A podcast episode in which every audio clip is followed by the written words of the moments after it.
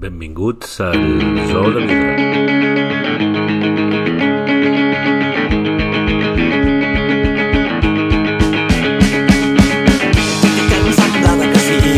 tot i que semblava, tot et que sí, tot que tu semblava, tot ens que sí, tot que ens ho semblava, tot i que els semblava que sí,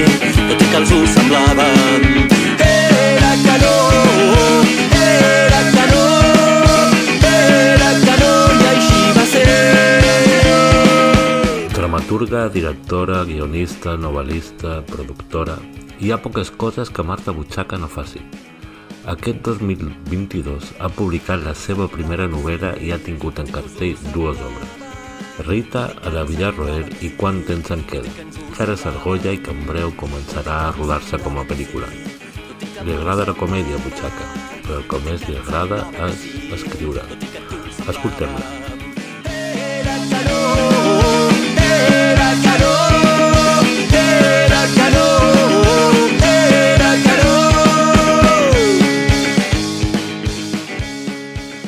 Marta, benvinguda al, al Zoo de Vidre, el podcast de, de teatre del Temps de les Arts.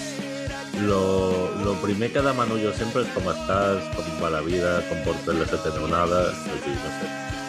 Molt bé, la vida va molt bé, ara mateix descansada perquè ja m'he estrenat, que ha sigut molt cansat perquè assajar teatre és molt cansat, però molt contenta, molt contenta perquè l'obra fa riure, agrada, i llavors quan veus que la feina funciona és, és una gran satisfacció. Déu-n'hi-do, no? Tu quin any? Uh, novel·la, dos obres de teatre... Sí, déu nhi la veritat és que, ostres, no, no, no paro, no paro gaire, la veritat és que, bueno, m'agrada molt escriure, i llavors, mm, bueno, m'agrada escriure, llavors surto de la novel·la, bueno, és com tot locura, i faig cinema, faig moltes coses, perquè m'ho passo molt bé i no, no, no estic còmoda parant més del necessari, a més, suposo que necessitem crear, no, els creadors, i, i aquest any realment és que he tingut el luxe d'estrenar la Villarroel i el Goya, que realment és, Sí, sí. amb els temps que corren és, és, és molt privilegi, soc conscient del privilegi de, que- de que hagi passat això, i, i contenta, molt contenta, la veritat és que ha sigut un, una bona temporada. Uh, recordo que el, uh, quan estàvem sortint de la, de la primera onada vaig fer un podcast i fa un parell d'anys amb la Cristina Clemente i el Sergi Belbel i els demanava, hòstia, quan ens poden començar a riure de, de tot el que està passant? És a dir, uh, no creu que li preguntava, ens costarà riure'ns de la mort, no? Uh, perquè, clar, fa dos anys estàvem amb, una, amb un atzucac. Um, tu creus que uh, hem arribat al moment de, de poder-nos riure, això de, de la mort? De la mort ens podem riure cada dia, jo crec, i sempre, i és molt necessari. De fet, l'obra, el Quant temps em queda, que neix d'això, neix, de, neix una mica abans de pandèmia, fins i tot, i neix una mica d'això, de dir que no necessitis que, que et diagnostiquin una malaltia molt dolenta per plantejar-te què vols fer amb la teva vida, no? És una mica de, de siguem conscients que som mortals, però prenem-nos-ho com algo positiu, que som caducs amb, el, amb el que aprofita la vida. Vull dir, per això em dius, no faig moltes coses i penso, sí, sí, és que no vull deixar de fer-les, saps? Doncs una mica aquesta, aquesta és l'actitud. I jo crec que sí, perquè riure's de la mort per mi és estimar molt la vida, no? que és, és el que vol, vol transmetre aquesta comèdia, no? les, les ganes de viure, que jo crec que és molt important. No? Tots hem tingut èpoques de la vida amb més o menys mesura que hem perdut la il·lusió de, de viure no? en algun moment, per, per crisis, per motius, per... i és terrible. Llavors és, és no, no, tio, o sigui, aprofitem, aprofitem que, que, que tenim una vida i que hi ha coses meravelloses a fer, no? I jo crec que aquest és un missatge molt maco d'enviar a la gent. Explica'm una mica de com, com funciona l'obra, quin és el mecanisme que activa el, el riure d'aquesta obra. Doncs mira, la comèdia és el Lluís Villanueva, que es diu Pere, i que quan comença l'obra li queden 30 dies de vida. El tema és que la seva dona, la Marta Ballarri, que es diu Àngels a la comèdia, és una científica que ha descobert com amb un test de saliva, eh, amb, amb, amb un test de saliva descobreix, pot dir-te si et moriràs en els propers 5 anys. I aleshores comença la comèdia que ja saben tots dos des de fa 5 anys que el Pere es morirà d'aquí 30 dies d'un infart de miocardi. I aleshores el Pere té una llista de coses a fer abans de morir Uh, i, I és passar el dia fent les coses, tot el que vol fer abans de morir, no? I, i una de les coses més importants és que vol que la seva, la seva dona sigui feliç quan ell no hi sigui, no? I en, la premissa boja és que llavors, dintre d'aquest pla que té el Pere, vol que la seva dona Àngels estigui amb el seu millor amic quan ell no hi sigui, que és el David Bert, que és el personatge del Lluís. Però, clar, evidentment, a tot això, el Lluís té una que és l'ex de la germana de la Marta, que és la Betsy Turnet, que és la Maria de l'obra, que és un personatge molt, molt entranyable i molt divertit i que es fica la gent a la butxaca des d'abans de, des d'abans de sortir, gairebé et diria que és una cosa molt, molt divertida que passa a la comèdia. I, i evidentment, estan junts. És una, tots són impediments pel Pere, no?, en aquesta comèdia. Llavors, bueno, que, que la gent vingui a veure com és al final, el que sí que veig que, que està passant, que ara aquests, tots aquests dies no, l'estem fent en públic, i que la gent riu molt, riu molt i s'emociona, que és una cosa que a mi m'agrada molt que passi. Però s'emociona de què maca és la vida, no de plorar. Que jo havia fet moltes, moltes dramèdies, no? De sí, litus, sí. era... Hosti, hi havia un moment de riure molt, però de plorar molt, i aquesta no. Aquesta és riure molt i hi ha un moment que t'emociones, però de què maca és la vida, no d'algú trist. I això, hòstia, bueno, és, és lleig que ho digui jo, però no crec que sigui fàcil de fer i, i i ho hem aconseguit amb l'obra i és molt emocionant. Aquests dies en públic per primera vegada ha sigut molt emocionant, molt xulo. Amb aquest títol te va ser fàcil col·locar-la? Sí, molt. T'he de dir que és l'obra que més nòvios ha tingut. Ha sigut molt heavy, perquè de vegades et costa molt que et llegeixin, que et contestin. I aquesta, bueno, per dir-te que el 8 d'agost comencen a rodar la pel·li. Vam comprar-me els drets de la pel·li abans de, abans d'estrenar. Si no abans d'estrenar, abans quasi, quasi d'acabar-la. I he estat fent, acabant l'obra, perquè clar, jo la canvio molt amb els actors, el text canvia molt. I he estat acabant el text, fent el guió, refent el guió de la pel·li, bueno, ha sigut una bogeria. Una bogeria de, per favor, mm, vacances, si plau, saps? De parar una mica que ho necessitem. Però, però sí, sí, tot, tot i el títol va tenir molts nòvios, que això és molt, és molt xulo. Jo soc de que, no, jo, jo penso que m'ho miro una mica des de, de fora, que fer comèdies és molt més difícil que fer drames. Uh, sí, l'altre no sé. dia ho comentaven, això, la roda de premsa, i jo crec que sí. O sigui, jo crec que fer un bon drama també és molt complicat, però tocar la fibra, almenys a mi, em resulta relativament senzill, perquè jo sé que el que em fa plorar a mi fa plorar a la majoria de la gent, no? I, en canvi, el riure és una cosa que no és tan universal per mi. És a dir, igual tu una caiguda et pixes de riure i a mi, a mi em passa amb aquests vídeos d'internet, que hi ha gent que te l'envia dir que bo i no em fa cap gràcia. Vull dir que no és tan universal i llavors és més difícil. De fet, passa, no? La comèdia hi ha gags que la gent es tronxa i jo no era dels gags que pensava que riurien més, saps? I en canvi potser alguns que pensaves aquí es tronxaran no riuen tant, no? Vull dir que és, que és una cosa... Sí, no, no, no és fàcil, però és molt divertit fer comèdia. I de fet, les comèdies, hi ha poques comèdies que sobrepassin els seus temps, eh? És dir, el que ens arriba del, de, com a clàssics eh, són més drames que comèdies, no? o tragèdies. Sí, però en canvi en cinema no passa, eh? En cinema no. hi ha molts clàssics, o sigui, que són comèdies meravelloses, Clàssics I... del cine tenen 50 anys, eh? Jo estic parlant de 200 o 300 anys. Ah, no, clar, no, clàssics de... No, no, no, clar, clar, no, no, no. No, no, clar, els clàssics de, dels grecs són tot tragèdies, clar, bueno, sí. i les comèdies, la veritat és que no tenen tanta... No, no, clar, no es fan tant, és, és, és així. Sí, és, és, és, és complicat i sobretot és complicat a l'hora de dirigir-la. Perquè, clar, els actors han acabat de mi no fars, o sigui, no, no fars perquè són conscients, però clar, es donen mil·límetre o sigui, un gag te'l riuen o no depèn de, de, de, de frames, de mil·lèsimes de segon. Si et riuen o no, no? Cada cop no... L'altre dia una actriu em deia, això per què no ho riuen? Dic, perquè no fes la pausa bé. perquè pares massa poc, has de parar més perquè això faci gràcia. És com, com, I ho proves i funciona, no? Llavors, t'obligues sempre com a directora a tenir aquesta mirada de, de, d'escoltar molt al públic, de... Llavors, per mi hi ha una segona direcció que és quan entra el públic, no? Tens els quatre personatges i en una comèdia entra el públic i fas, vale, ara això no sé què, ara aquí hauré de fer una pausa perquè aquí us estan rient, no? I, i és, és, una, és molt bonic. La veritat és que també la comèdia es fa amb el públic molt. Has agafat la directa amb el cine, no? Podríem dir? Sí, la veritat és que jo vaig començar amb Litus i, i tinc molta feina de cinema. Estic supercontenta perquè, bueno, ha anat així, diguéssim, que jo treballo bé amb els productors que han treballat amb mi, el, el productor que m'ha comprat l'obra és el mateix de Litus i solo una vez, he conegut a molta gent i me'n fan encàrrecs i o sigui, una mica que m'estic posicionant com a guionista a nivell espanyol i és molt xulo perquè puc fer coses, és a dir, per mi l'autoria la desenvolupo un teatre. O sigui, un teatre faig el que em dóna la gana, i més ara que tinc productora, faig el que vull. O sigui, no faig res perquè m'imposi algú res. I en canvi, en cinema, de fet, mira, just ara avui tenia un dinar, una reunió, i els deia, és que a mi m'encanta, perquè de cop és com que encàrrecs d'aquests de aquesta novel·la, va, llegeix-te-la i si t'agrada la fem en pel·li, no? O, o adapta, ara vaig fer el Juego de les Llaves, adapta aquesta sèrie a pel·li. Són tipus, és un tipus de feina que a mi em diverteix molt. A mi em diverteix el fet d'escriure, més que de pensar històries. M'agrada dialogar, m'agrada buscar situacions. I això, quan tens una adaptació, que la història ja està feta, també és molt xulo. I ara, bueno, ara tinc, sí, tinc molts projectes que vull fer audiovisual, o sigui que Sí, sí, la veritat és que molt, molt contenta, sí, sí.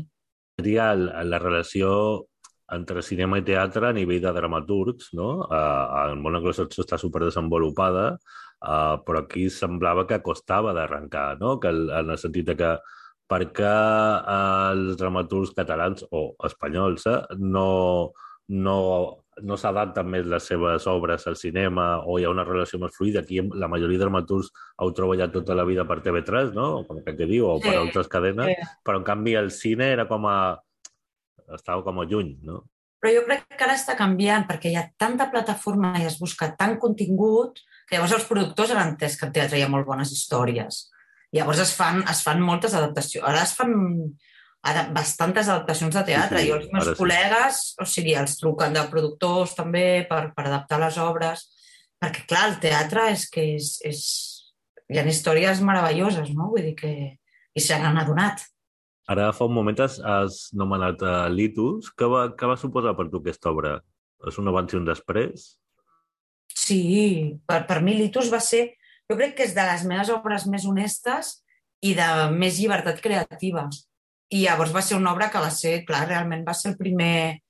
bueno, el primer boom, és que, que és un boom, és que no sé si és un boom, perquè tampoc és que la veiés tanta gent, però realment hi havia aquesta sensació que agradava a tothom, no? que, que era una obra que tocava la gent, no?